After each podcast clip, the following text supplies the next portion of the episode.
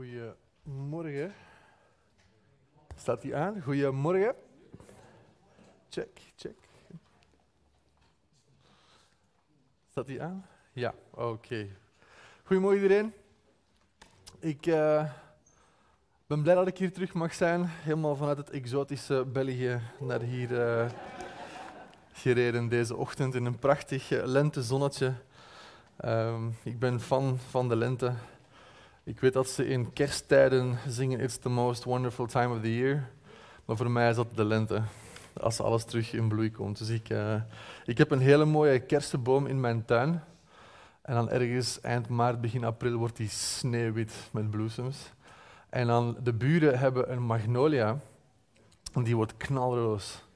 Dus ik heb een heel uh, uitzicht van kleuren uit mijn keukenraam van achter, zeg maar, uh, als de lente begint. Mooiste tijd van het jaar voor mij.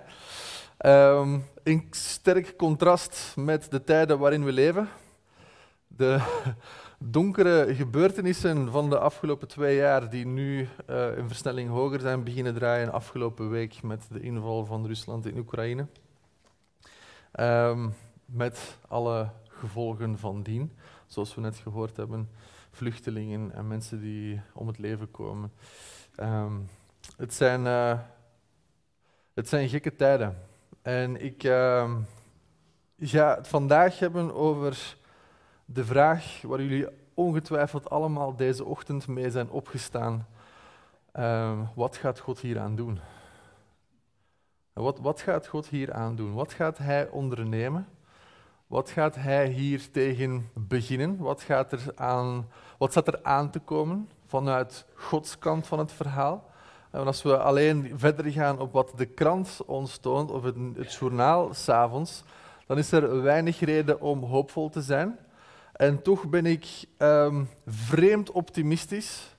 Als ik naar de komende jaren kijk, denk ik van er, gaat, er staat volgens mij iets ongelooflijk te gebeuren. En ik zeg dat niet lichtelijk. Ik ben niet een, uh, een tiener die het makkelijk over opwekking heeft en vanuit een soort van uh, youthful enthusiasm, zeg maar, de, als een buzzword, zeg maar, als, als, een, als een hip woord gaat, opwekking, opwekking, opwekking gaat beginnen gebruiken. Maar ik heb een aantal redenen die ik met jullie wil delen om effectief optimistisch te zijn. En we zullen kijken waar dat ons brengt naar het einde van de dienst toe. Nu, ik wil het hebben over het werk van de Heilige Geest. En ik wil een aantal dingen benoemen, zeg maar, van oké, hoe zien we het, het, werk van de Heilige Geest maar, gemanifesteerd, zowel individueel als collectief als cultureel. En bedoel ik mee van het, van het kleinste niveau tot het grootste niveau. En er zijn een aantal woorden die mensen daar opplakken. Dat zijn meestal Engelse woorden en dat is een beetje jammer, want in Nederlands hebben we daar niet altijd echt een equivalent voor in onze taal. Maar we gaan ons best doen om daar door te geraken. Het eerste wat we zien en een van de mooiste dingen ook is, is ja, regeneration, noemen ze dat. Dat is eigenlijk de, de, zeg maar de geestelijke wedergeboorte. Ik heb een stoomoven in mijn keuken. En als ik brood heb van vijf dagen oud, dat je eigenlijk niet meer zou willen aanraken of opeten, maar ik steek dat in mijn stoomoven, dan kan ik dat regenereren. En dat komt daaruit alsof het vandaag vers gebakken is. Ja. Uh, dat is een stomme vergelijking voor een heel simpel idee. Dat God pakt een mens die helemaal gebroken en verdrietig en ellendig en met miserie, zeg maar, en hij regenereert die. Hij maakt die als nieuw. Die komt de stoomoven uit als een versgebakken uh, mens of een, ja, een wedergeboren mens. Het oude is voorbij, het nieuwe is gekomen. Dat is stap 1. Wie heeft ooit zoiets van dichtbij, ofwel in zijn eigen leven meegemaakt, ofwel in iemand anders zijn leven zien gebeuren? Dat zou iedereen moeten zijn hier. Anders zou je hier niet zitten. Regeneration is echt die geestelijke wedergeboorte. Is het, het echt de eerste stapjes in het koninkrijk van God, zeg maar. Uh, wanneer de ogen en de oren zijn opengegaan en alles is nieuw. Uh, en dat is het moment dat God ons adopteert in zijn gezin. En daarna gaat de Heilige Geest verder met stap 2. Dat is allemaal, het is allemaal niet zo afgemeten, maar ik probeer een globaal idee te schetsen. Je kunt niet zeggen van, ah, die persoon is net van stap 1 naar stap 2 gegaan. Zo werkt dat niet. Uh, maar dat begint daar ergens te gebeuren onderweg. Dat noemen ze restoration of geestelijk herstel. Want we weten allemaal dat als we het koninkrijk van God binnenkomen en we zijn wedergeboren en geadopteerd als zonen en dochters van God, dat niet opeens al onze problemen magisch verdwenen zijn, juist? En de Heilige Geest weet dat ook en die begint met ons te wandelen. En het christelijk leven is in dat opzicht veel meer een Lego-set dan een ander soort van cadeau. U moet u inbeelden, eh, kijk, verplaats u even terug naar uw kinderjaren. U bent jarig en er komt een vriendje naar jouw verjaardagsfeestje en die geeft jou een Lego-set die hij helemaal zelf voor jou in elkaar heeft gezet. dat is niet de bedoeling, hè? Nee. De fun zit hem ook een beetje zeg maar, in dat zelf te mogen assembleren en klaar en helemaal zeg maar, opbouwen.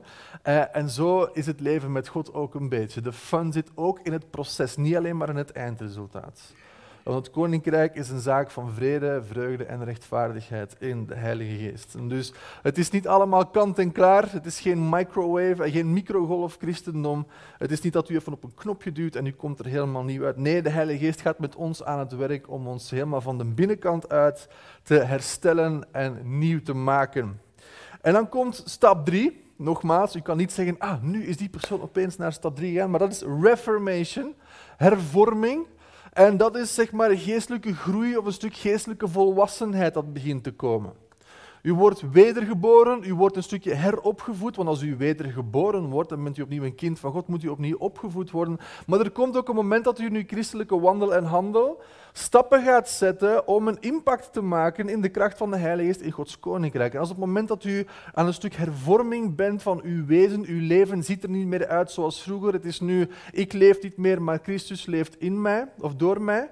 En we zitten aan een, een, een stukje zeg maar, van waarin we wandelen in Jezus, we blijven in Hem.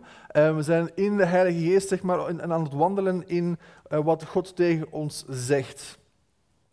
En als u een aantal mensen bij elkaar hebt die leven in die nieuwheid van leven, in die hervorming, die derde stap, zeg maar, die reformation, dan zet die bij elkaar en dan krijgt u een mate van wat, dan, dan, dan komen we in een, in een volgend niveau, zeg maar dan krijgt u een mate van wat ze noemen renewal, hernieuwing in de kerk.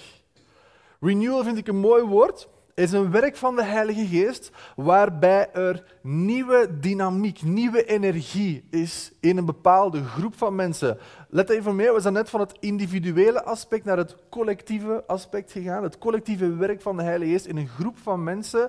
Er is nieuwe energie, er is nieuwe visie, er is nieuwe dynamiek.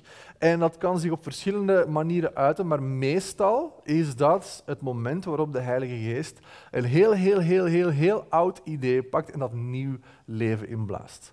Zo hebben we de voorbije uh, 50, 60 jaar is er een, een renewal, een herleving geweest van kerkplanten of kerkstichten.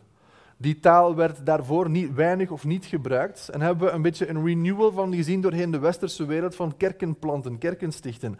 In de laatste, ik zou zeggen, twintig jaar hebben we een heropleving gezien van het idee van discipelschap. Oh, we moeten discipelen maken. Dat is ook bezig aan een renewal. God pakt een heel, heel oud idee, hij blaast dat nieuw leven in. En dan komt stap 5, om het zo te zeggen, komt revival heropleving. Nog niet opwekking, dat komt ze niet. Heropleving. Revival, wij vertalen het meestal met opwekking, maar dat gaan we voor zo meteen houden. Revival in Jonathan Edwards zijn woorden, en ik vind dat zo'n leuke definitie. Is een beetje droog eigenlijk, maar toch. Um, revival, zegt hij, is de versnelling van het normale werk van de Heilige Geest. De versnelling van het normale werk van de Heilige Geest. Dus wat, wat bedoelt hij daarmee? De mensen die normaal gezien tot geloof zouden komen over een periode van 20 jaar, doen dat nu op twee maanden. Het is alsof de tijd op zichzelf instort en de Heilige Geest doet dat werk van regeneration, restoration en reformation, die eerste drie die we net hebben besproken, doet hij in een snel tempo. Het is bijna onfair voor al die andere christenen die daar jaren mee zijn bezig geweest. En opeens is het revival en sommige mensen gaan op een paar maanden, bam, daar doorheen. En het werk van de Heilige Geest helemaal opnieuw. Het begint in de kerk, waar, dat mensen, waar de kerken overnacht zeg maar, op, op, één, op één dagtijd verdubbelen, verdriedubbelen, vertiendubbelen in aantal. Um, er is nog niet zo heel lang geleden hebben we een stuk opwekking dan, eh, sorry, sorry, heropleving gezien in Brazilië bijvoorbeeld. Dat is een van de meest recente in de geschiedenis uh, ondertussen, maar er zijn er heel veel geweest doorheen de tijd. En dan kom je op het laatste. En dat is wat ze noemen awakening. En dat is opwekking. Het opnieuw wakker worden. En awakening is verschillend van revival. Sorry voor de vele Engelse woorden, maar ik zeg het is niet altijd een equivalent in het Nederlands om het te benoemen. Revival is als het gebeurt in en het blijft in de kerk, zeg maar. Awakening krijg je op het moment dat de effecten van een revival in de kerk beginnen over te lopen naar de samenleving waarin ze zich bevindt. Met andere woorden, de revival is niet collectief, die wordt cultureel. Een heel land, een heel continent wordt veranderd als gevolg daarvan afschaffing van de slavernij is gevolg van de Second Great Awakening.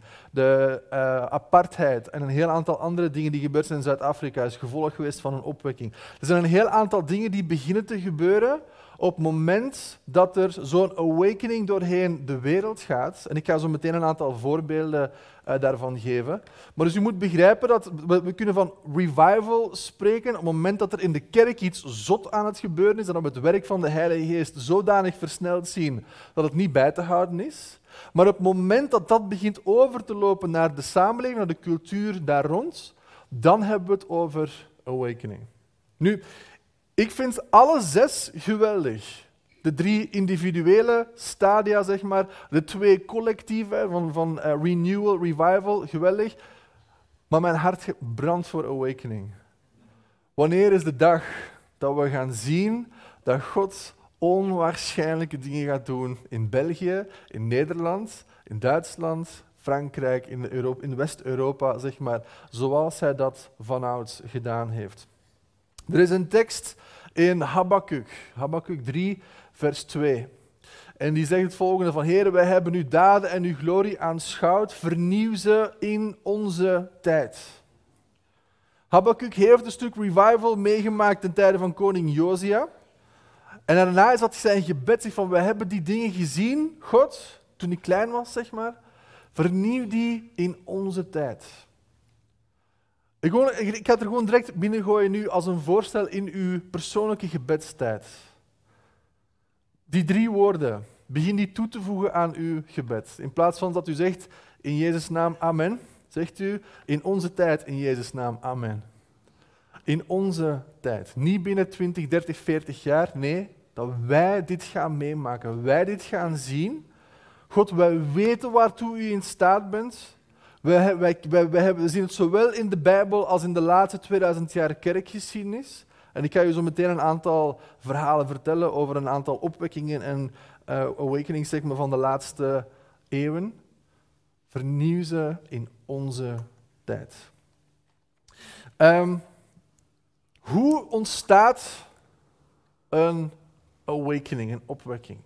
Wat gaat daaraan vooraf? Er zijn verschillende mensen, dat zijn, uh, hoe noemt je dat?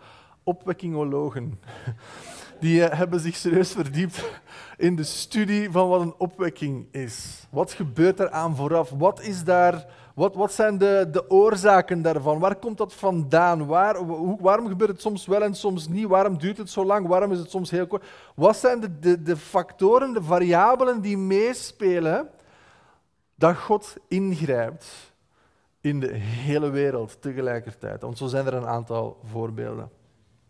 Het begint, en ik ga, ik ga trouwens, ik ga een aantal, ik het zijn ongeveer vier grote stappen, zeg maar, of vier dingen, dingen die gebeuren voorafgaand aan een uh, awakening of een opwekking. En ik wil parallel um, de geschiedenis schetsen van de opwekking in de Hebriden. Dat is een eilandengroep naast Engeland, zo boven Schotland, zeg maar. Uh, daar hebben ze in de, ten tijde van de Second Great Awakening, hebben de jaren, jaren 1800, hebben ze daar een onwaarschijnlijke opwekking gehad. Dus ik ga proberen de theorie te koppelen aan de verhalen van de hybride opwekking in de jaren 1800. Het eerste wat er gebeurt, is het uitkristalliseren van ontevredenheid. Wat een geweldige zin is dat, het uitkristalliseren van ontevredenheid. Alsof u naar uw psycholoog gaat en die zegt, oh, ik zie wat hier aan het gebeuren is. Uw ontevredenheid wordt uitgekristalliseerd. En je vraagt, is, is dat goed of slecht? Oh, dat is heel goed. Heel goed. Wat is het kristalliseren van of het uitkristalliseren van ontevredenheid? Is het moment dat bij iemand het licht aangaat over de dingen waar hij niet blij of, of, wat hij ontevreden mee is, en waardoor die stappen of acties gaat ondernemen.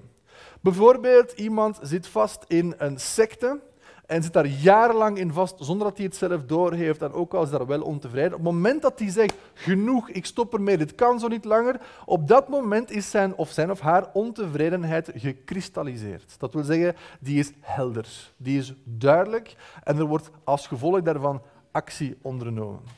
Waarom benoem ik, het op, die manier? Omdat er zijn heel veel mensen die ontevreden zijn. Maar dat wil niet zeggen dat hun ontevredenheid ook gekristalliseerd is. Er zijn heel veel mensen die zijn ontevreden en kijken er vervolgens naar Netflix. En er zijn heel veel mensen ontevreden en gaan vervolgens naar hun hobby. Er zijn heel veel mensen ontevreden en gaan vervolgens gewoon door met hun eigen leven. Dat is niet waar we het over hebben. We hebben het over het uitkristalliseren van die ontevredenheid. Van mensen die zeggen genoeg over mijn lijk. Het kan niet zo verder. Er moet hier iets gebeuren. En dat was het geval, eh, zowel in het Oude Testament. Als u een profeet ziet verschijnen op het toneel, is dat meestal iemand die het uitkristalliseren van Gods ontevredenheid komt communiceren. Hij zegt, God zegt genoeg, het kan zo niet langer, er moet hier iets gebeuren. Dat is een heel profetisch idee, dat, dat die ontevredenheid een bepaalde piek bereikt, waardoor dat de druppel zeg maar, die de emmer doet overlopen. Op dat moment zeg maar, er moet hier iets gebeuren. In de Hebriden, in de jaren 1800, was dat het geval met het feit dat er geen, geen jeugd was in de kerk in de Hebriden. Allemaal oudere mensen bij elkaar, die naar elkaar toe ook hebben opgebied van we zijn er echt in gefaald om het evangelie naar de volgende generatie door te geven. God, jij moet hier ingrijpen. Jij moet hier iets gaan doen. Dat was hun uitkristallisering van hun ontevredenheid. Van dit kan niet zo verder. Als het zo verder gaat, is er binnenkort geen kerk meer in de Hebride.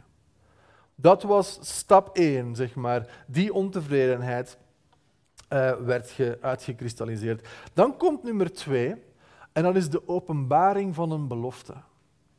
Omdat God ziet dat, ofwel bij een individu, ofwel bij een kleine groep van mensen, en God geeft een belofte. En in hun geval, in het geval van de Hebriden, was dat Jesaja 44, vers 3, waar dat God uitspreekt van ik zal water op het land en beken op het droge laten komen. Ik zal mijn geest uitstorten op jullie kinderen. Ongelooflijk. Even een klein, klein stukje daarover. Jezaja 44. U weet, Jezaja heeft 66 boeken. De Bijbel heeft 66, sorry, 66 hoofdstukken. De Bijbel heeft 66 boeken.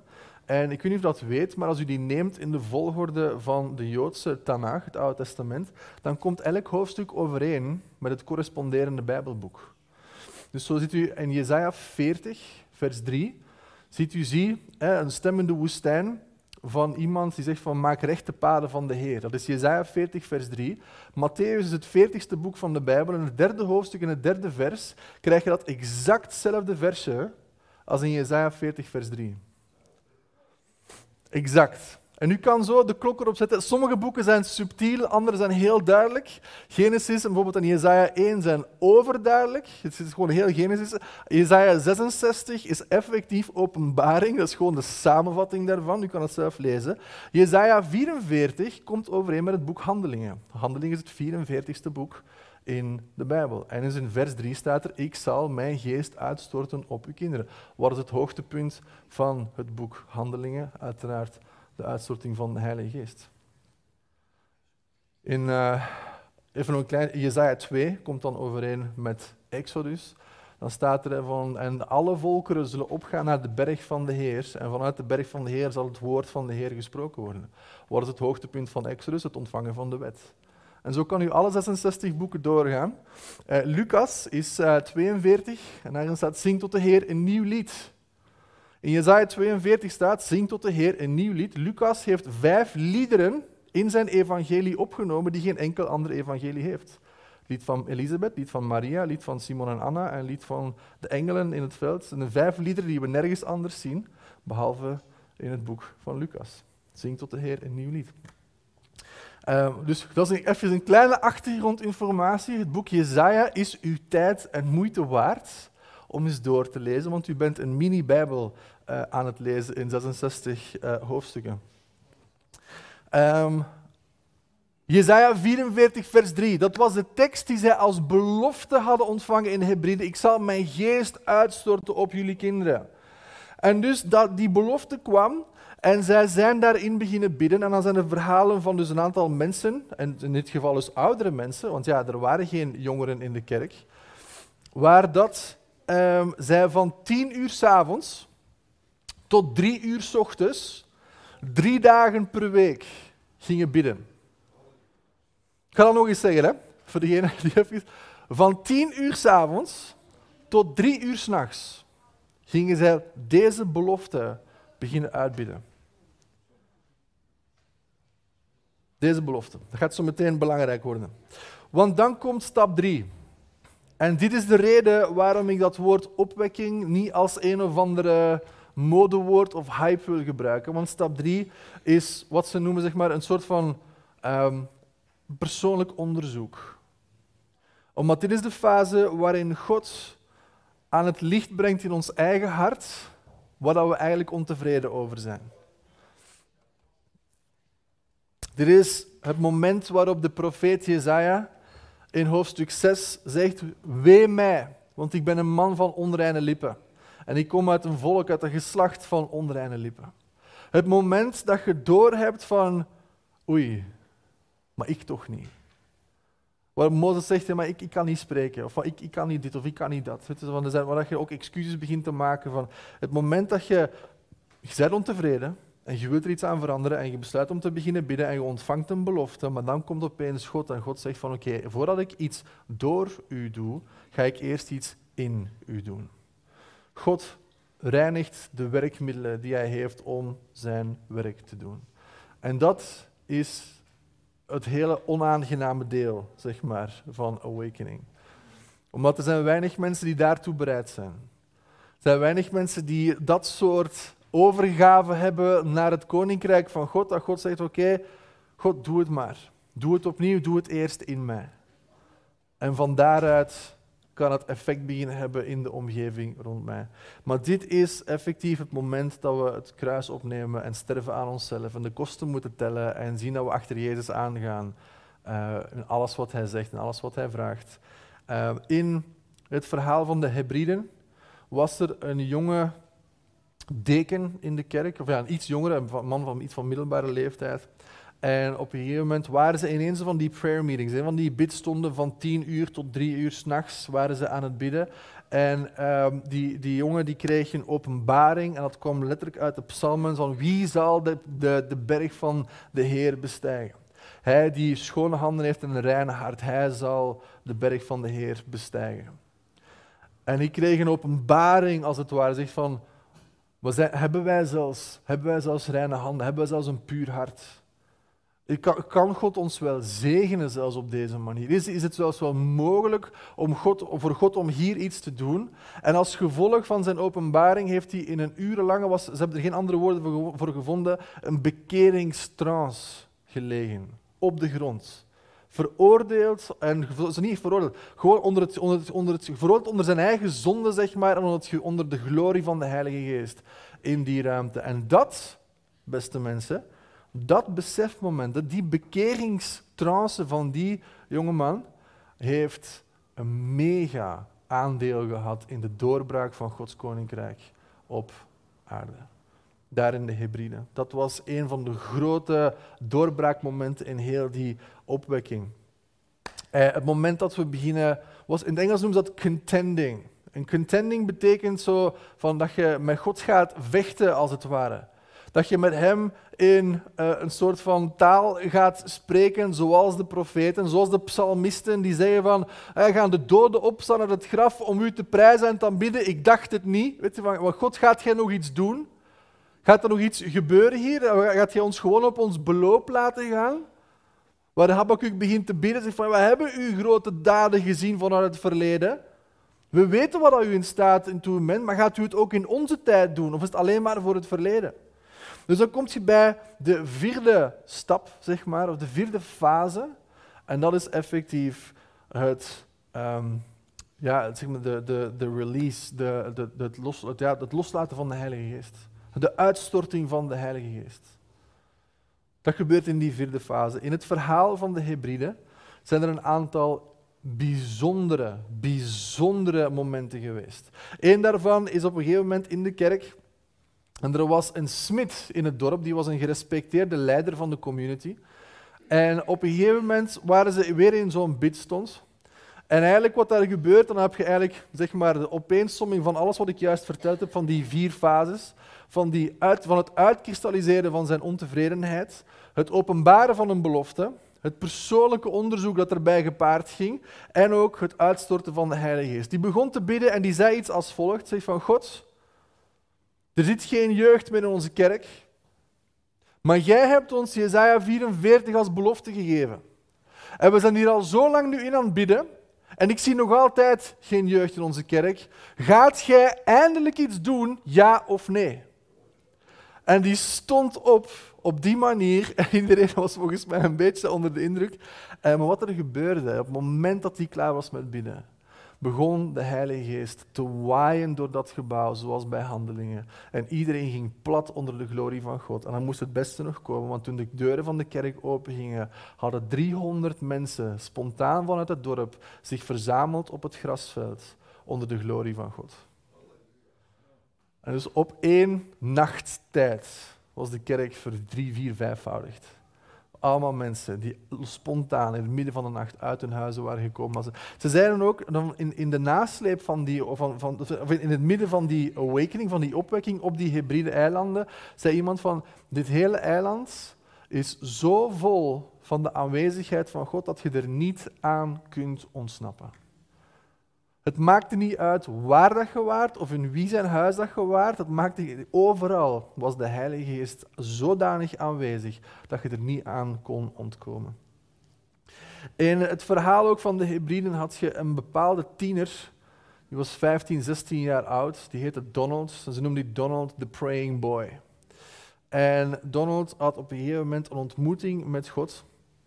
Uh, is daarna het bos ingelopen en ze hebben die ook in een soort van trance teruggevonden waar hij alleen nog maar de naam van Jezus, Jezus, Jezus kon zeggen. Dat is het enige wat hij nog kon op dat moment. Die was gewoon helemaal weg uh, in de geest. En um, op een gegeven moment was er een bepaald deel van het eiland waar dat de opwekking precies niet echt zo begon plaatsen. Dat was een beetje in de eerste, zeg maar, eerste periode. Een bepaalde plaats waar het niet echt doorbrak. Er was weerstand ook vanuit een aantal mensen over wat God aan het doen was en het bovennatuurlijke allemaal. En ze waren het er niet echt mee eens. En Duncan Campbell, dat was de leider zeg maar, van de revival daar, ehm, die was aan het prediken en hij merkte van, ja, hier komt echt geen beweging. Dus had hij ook gevraagd aan een aantal mannen om te beginnen bidden. Dat waren, de, ze noemden die de praying men of Barvis.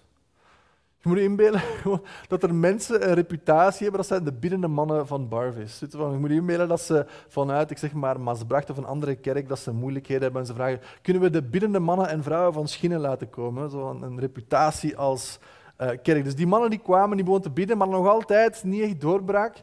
En uh, Duncan Campbell was weer in een meeting en hij zag ergens achteraan, zag hij die Donald, de praying boy, zag hij zitten. En hij had een ingeving en hij vroeg van Donald, Donald wilt jij ons in gebed leiden? En die jongen komt naar voren en die begint te bidden. Um, en die begint eigenlijk te bidden naar het woord van uh, openbaring vers 4. Hij begint te bidden en ik zie de Heer gezeten op zijn troon. Ik zie het lam dat voor hem verschijnt. En hij zegt iets al in de aard van, er is kracht daar. Jezus laat die ook los hier.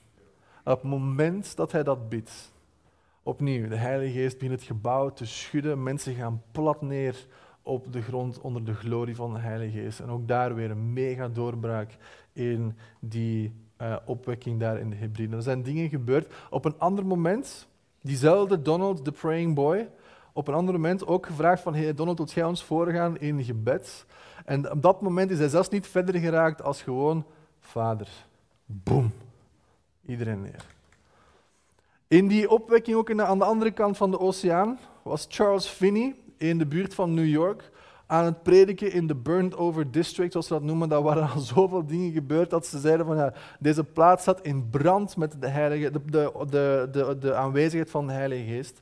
En er wordt ook genoteerd, verhalen opgeschreven over hoe Charles Finney aan het spreken is. En dat opeens die kant naar die kant viel, zegt dan die helft van de zaal viel naar die kant, was, was, was in de open ruimte. En Charles Finney schrijft ja, zelfs als ik in elke hand een stok had gehad, had ik ze niet sneller kunnen neerslaan als de Heilige Geest gewoon iedereen van zijn stoel blies. Het waren onwaarschijnlijke momenten. Het was zodanig zelfs dat ook in die tijd, uh, dan hebben we het al, denk, nee, ja, nog altijd een die periode. Dan hebben we uh, in Ierland was ook een enorme revival aan de gang. En het was zo erg dat dus de schepen, de cruise lines, die op weg waren van Engeland naar New York, die daar langs voeren over de noordkust van Ierland, dat de mensen op die schepen gewoon neergingen onder de, heilige, onder de Heilige Geest. En dat de kapiteins op voorhand een aantal chaplains, een aantal um, zeg maar, dominees en andere christelijke professionals zeg maar, meenamen op het schip om dat een beetje in goede banen te kunnen leiden. In New York was dat net hetzelfde. De hele haven was zo onder de glorie van God dat de schepen die daar aankwamen, mensen gewoon spontaan van, het, van de boot afstapten en dat er een klein legertje aan voorgangers klaar stond om al die mensen tot Jezus te leiden. Gewoon al van kilometers voor de kust, gewoon bam. Als we het over zo'n dingen hebben, dan hebben we het over awakening, over opwekking. Waarin het effect begint over te stromen naar de hele cultuur en alles daarom. Er is gewoon geen ontkomen aan de aanwezigheid van God. Er zijn um, in de geschiedenis, ze rekenen dat er ongeveer vier grote awakenings zijn geweest. De First Great Awakening was van 1730 tot 1750. Dat uh, onder leiding van mensen zoals, niet uitgesloten tot, maar zoals Jonathan Edwards, ik weet niet of die naam u iets zegt, uh, George Whitfield, John Wesley. Dat waren de de, de, ja, de, die die revival met zich meedroegen. Onder andere, het waren er nog meer dan dat ook. Uh, maar het begon in een kerkje bij Jonathan Edwards, waar hij een prediking gaf en zes mensen kwamen tot geloof, waarvan één jonge dame, waarvan uh, in eufemistische termen omschreven werd dat zij de beste gezelschapsdame was van, de hele, van het hele dorp. Met andere woorden, ze was een prostituee. En je krijgt dus een verhaal zoals de Samaritaanse vrouw, die het hele dorp mee naar Jezus pakt, in haar geval dus ook. Daar is het ongeveer begonnen, die First Great Awakening. Um, het is pas op volle snelheid gekomen toen George Whitfield vanuit Engeland naar Amerika de overstak maakte, uh, oversteek maakte. Sorry. En van de hele oostkust van noord naar zuid heeft afgereisd en overal is beginnen prediken. En in de dorpen waar hij kwam, of, waar, of de steden waar hij gepasseerd was, uh, daar werd iets genoteerd wat ze noemen Whitfield's disease. En dat was wanneer mensen op straat lagen, in het midden van de dag, onder de glorie van God. En wat je normaal gezien zou denken, die zijn stomdronken of die zijn high of weet ik veel wat, maar die waren gewoon onder de glorie van de Heilige Geest. De politie had gewoon geen werk meer. Mensen die ze tegenkwamen op straat, die ze normaal gezien zouden meepakken voor een nachtje af te koelen in de cel, werden gewoon gelaten in de Whitfield's disease. De tweede uh, Great Awakening, de tweede grote opwekking, is van 1790 ongeveer tot 1840. Die heeft iets langer geduurd. Die was ook geleidelijker aan. Mega effecten gehad op zowel de, het Britse als het Amerikaanse um, deel van de wereld.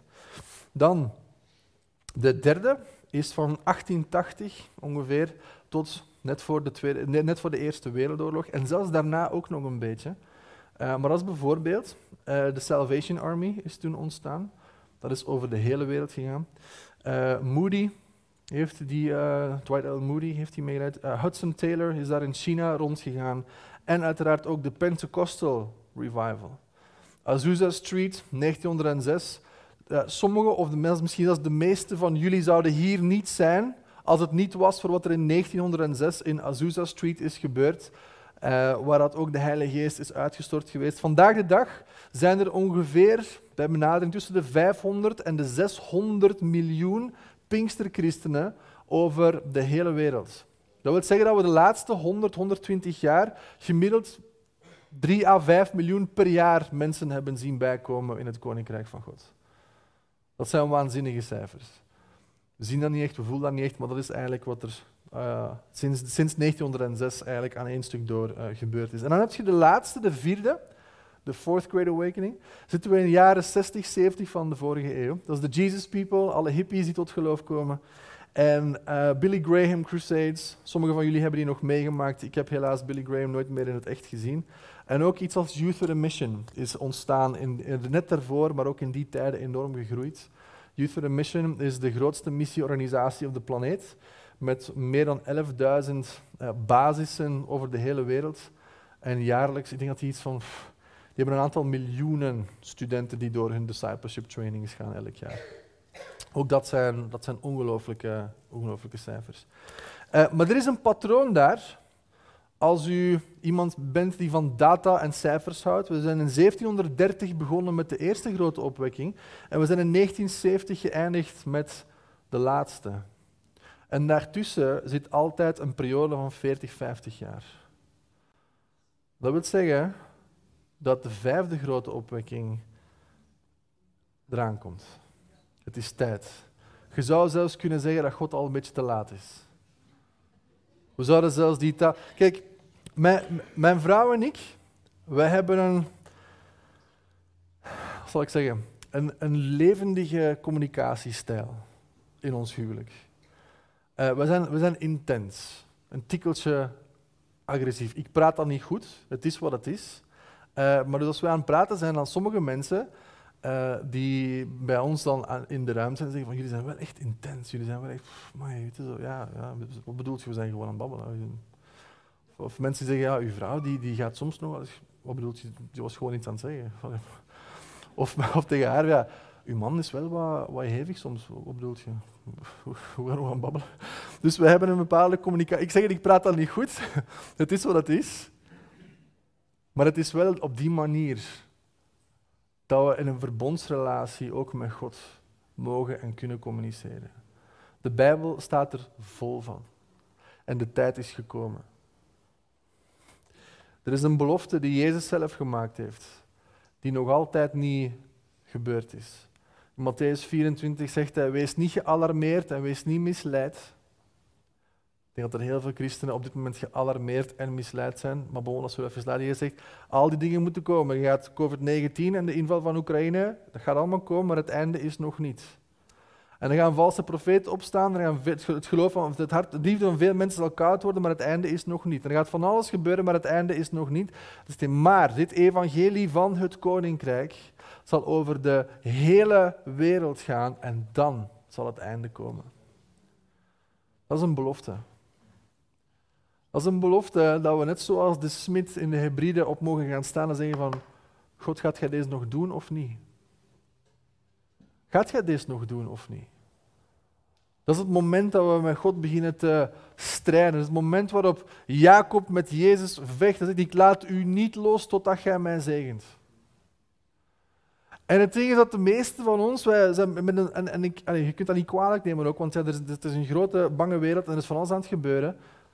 Maar we moeten het perspectief van het koninkrijk van God voor ogen houden. Hij heeft beloofd dat de dingen die we nu aan het zien zijn, dat die zouden gebeuren.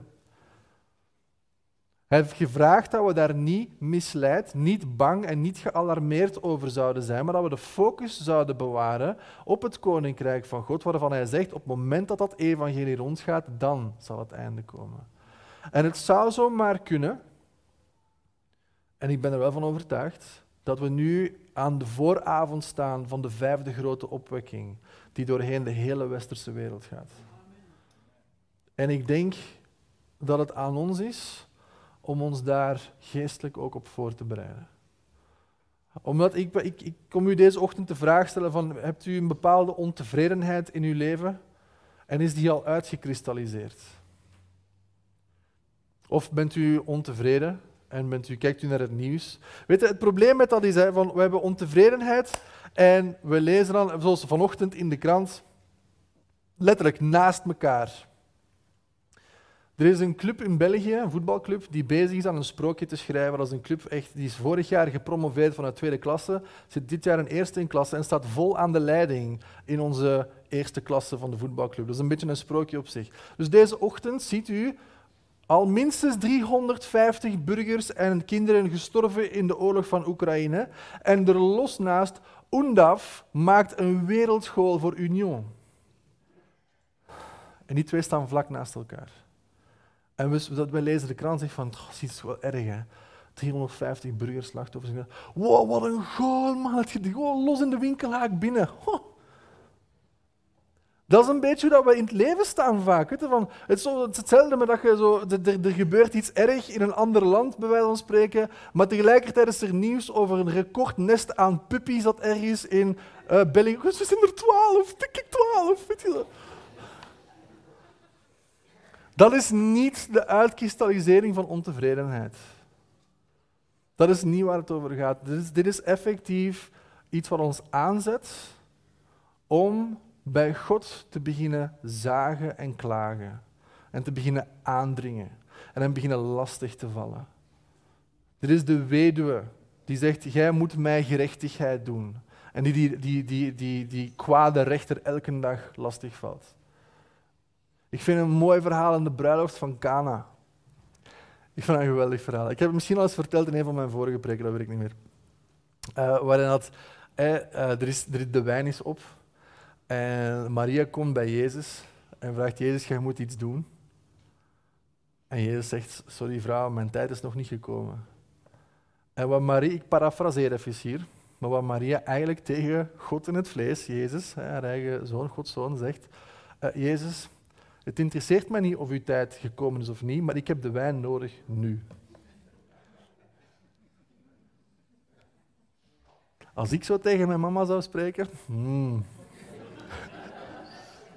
mijn tijd is niet gekomen. Mijn mama zou ah, sorry man, nu. De tijd.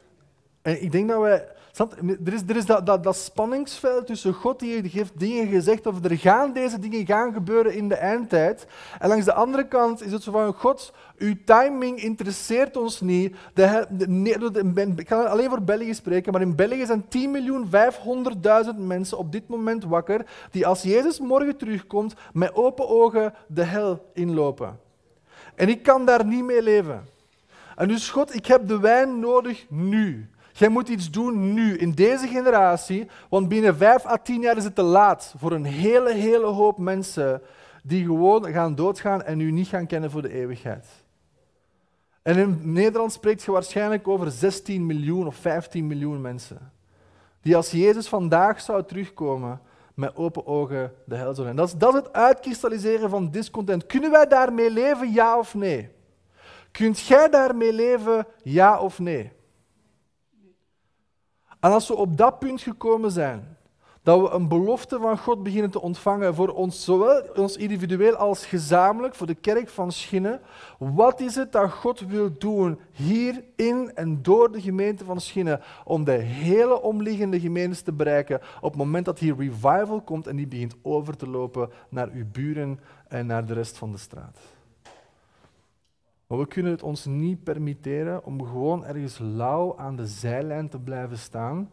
In het licht van wat er nu allemaal aan het gebeuren is. Nu de mensen nog niet eens hersteld van twee jaar pandemie en nu komt de volgende crisis er alweer aan. En ik ben vreemd optimistisch, omdat ik denk dat er absoluut fantastische jaren voor het Koninkrijk van God aankomen. En als u hier vandaag zit, en ik wil dat niet als, als veroordeling zeggen of als, als last op uw schouders leggen, maar als u nogal vasthangt aan, de, het comfort van een leven in Nederland van, het, van, de 21ste eeuw, dan zou ik u willen vragen om daar eens over na te denken van wat als het een hele hoop minder comfortabel gaat beginnen worden in de komende jaren, maar dat we in ruil daarvoor de eerste tekenen van revival en awakening gaan beginnen zien. Want het is heel moeilijk voor een rijke om het koninkrijk van God binnen te komen, nietwaar? Wat als al die rijkdom weg is? Wat als mensen hier in het Westen ook terug een stuk armoede of een stuk onzekerheid, zoals we afgelopen twee jaar al terug zijn beginnen zien. Er is in, België een nieuwe generatie van armen aan het ontstaan, van mensen die simpelweg hun gas- en elektriciteitsfacturen niet meer kunnen betalen. Ik weet niet of jullie daar in Nederland ook uh, zitten. Er komen volgens mij enorme, enorme jaren aan. En de reden daarvoor is dat God elke generatie zijn kans geeft. Hij is trouw. Hij wil dit. Het is in zijn hart om dit te gaan doen. Het is, op, het is, op zijn, het is in zijn emoties, het is in zijn wil, het is in zijn, in zijn wegen en in zijn bewegen. Het is in zijn hart om dit te gaan doen. Maar hij zoekt naar mensen die hun ontevredenheid willen uit laten kristalliseren. En die ervoor bereid zijn om de belofte van God niet gewoon te ontvangen, maar om ervoor te vechten. En ervoor in gebed te gaan. En om letterlijk de hemel op aarde te gaan neerbieden. En God blijven lastigvallen tot het moment dat Hij zegt: Oké, hier is het. Hier komt de uitstorting van de Heilige Geest. Ready or not. De meesten gaan er niet klaar voor zijn, maar doorheen de geschiedenis ziet je altijd datzelfde spoor, dat het altijd bergaf, bergaf, bergaf, bergaf, tot er nog een kleine minderheid over is van mensen die er radicaal voor willen gaan. En het is die kleine minderheid die dan het gist in het deeg wordt van het Koninkrijk van God. Want Jezus zegt een klein beetje gist doet het hele deeg reizen. Een kleine groep van mensen die zich, die er niet meer mee kunnen verzoenen met de omstandigheden van hun leven en de wereld waarin ze zitten. En dan opeens, bam. Op het moment dat de dag het donkerste lijkt, op het moment dat het het slechtste scenario ever zeg maar, lijkt, omdat je denkt van nu, dat, misschien zitten we daar ook, het, kan niet veel verder meer achteruit gaan ook niet. Hè? Zowel in, in België is het nog erger dan in Nederland, maar het kan, het kan niet veel slechter worden totdat er geen kerk meer is. Hè? Ook dat stemt mij vreemd optimistisch, omdat ik weet van ja, God moet wel iets doen. Want de doden gaan niet uit hun graf opstaan om hem te prijzen, zoals de psalmist het zegt. Doe het opnieuw, Heer, in onze tijd. We weten waar dat God toe in staat is. We weten wat hij kan. We weten wat hij wil doen. We weten dat dat op zijn hart is. We weten dat het evangelie van het koninkrijk over de hele aarde zal gaan en dan zal het einde komen zijn de beloftes. En we hebben de wijn nodig nu. Niet morgen, niet over nu. Het moet vooruit beginnen gaan, Jezus. Ten tijde van de Hebride waren er twee zusters, Christine en Penny Smith. En uh, ik ga met dit verhaal afronden. Uh, Duncan Campbell ook weer een beetje in in, de, in de vroege stadia van die opwekking. Er was een regio, een dorp, waar dat totaal niet ontvankelijk was voor het werk van de Heilige Geest en alles wat er aan het gebeuren was enzovoort. En er was veel weerstand op wat God aan het doen was. En er waren die twee zusters, die waren alle twee al heel oud. En die hadden tegen Duncan Campbell gezegd van, kijk, we kunnen niet naar de dienst komen, maar we kunnen wel naar de hemel, bij de hemel, in de hemel zijn. Dus in, het Engels zeiden ze, we cannot attend church, but we can attend heaven. Dus we kunnen de kerkdienst niet bijwonen, maar we kunnen wel de hemel bijwonen. Dus vanuit hun huis deden die lieve dametjes niks anders dan bidden, bidden, bidden, bidden. En dus op een gegeven moment zeiden zij tegen die Duncan Campbell, er is daar een dorp en je moet daar naartoe gaan en je moet daar gaan spreken. En er gaan zeven, mensen, zeven mannen gaan daar hun leven aan Jezus geven. En dat gaan pilaren worden in dat dorp in het koninkrijk van God. En Duncan Campbell zei van, hm, ik weet het niet. Ik weet het niet goed. Ja, ik, ik, ik, voel mij van, van, ik, zei ik voel mij van God uit niet geroepen om daar naartoe te gaan.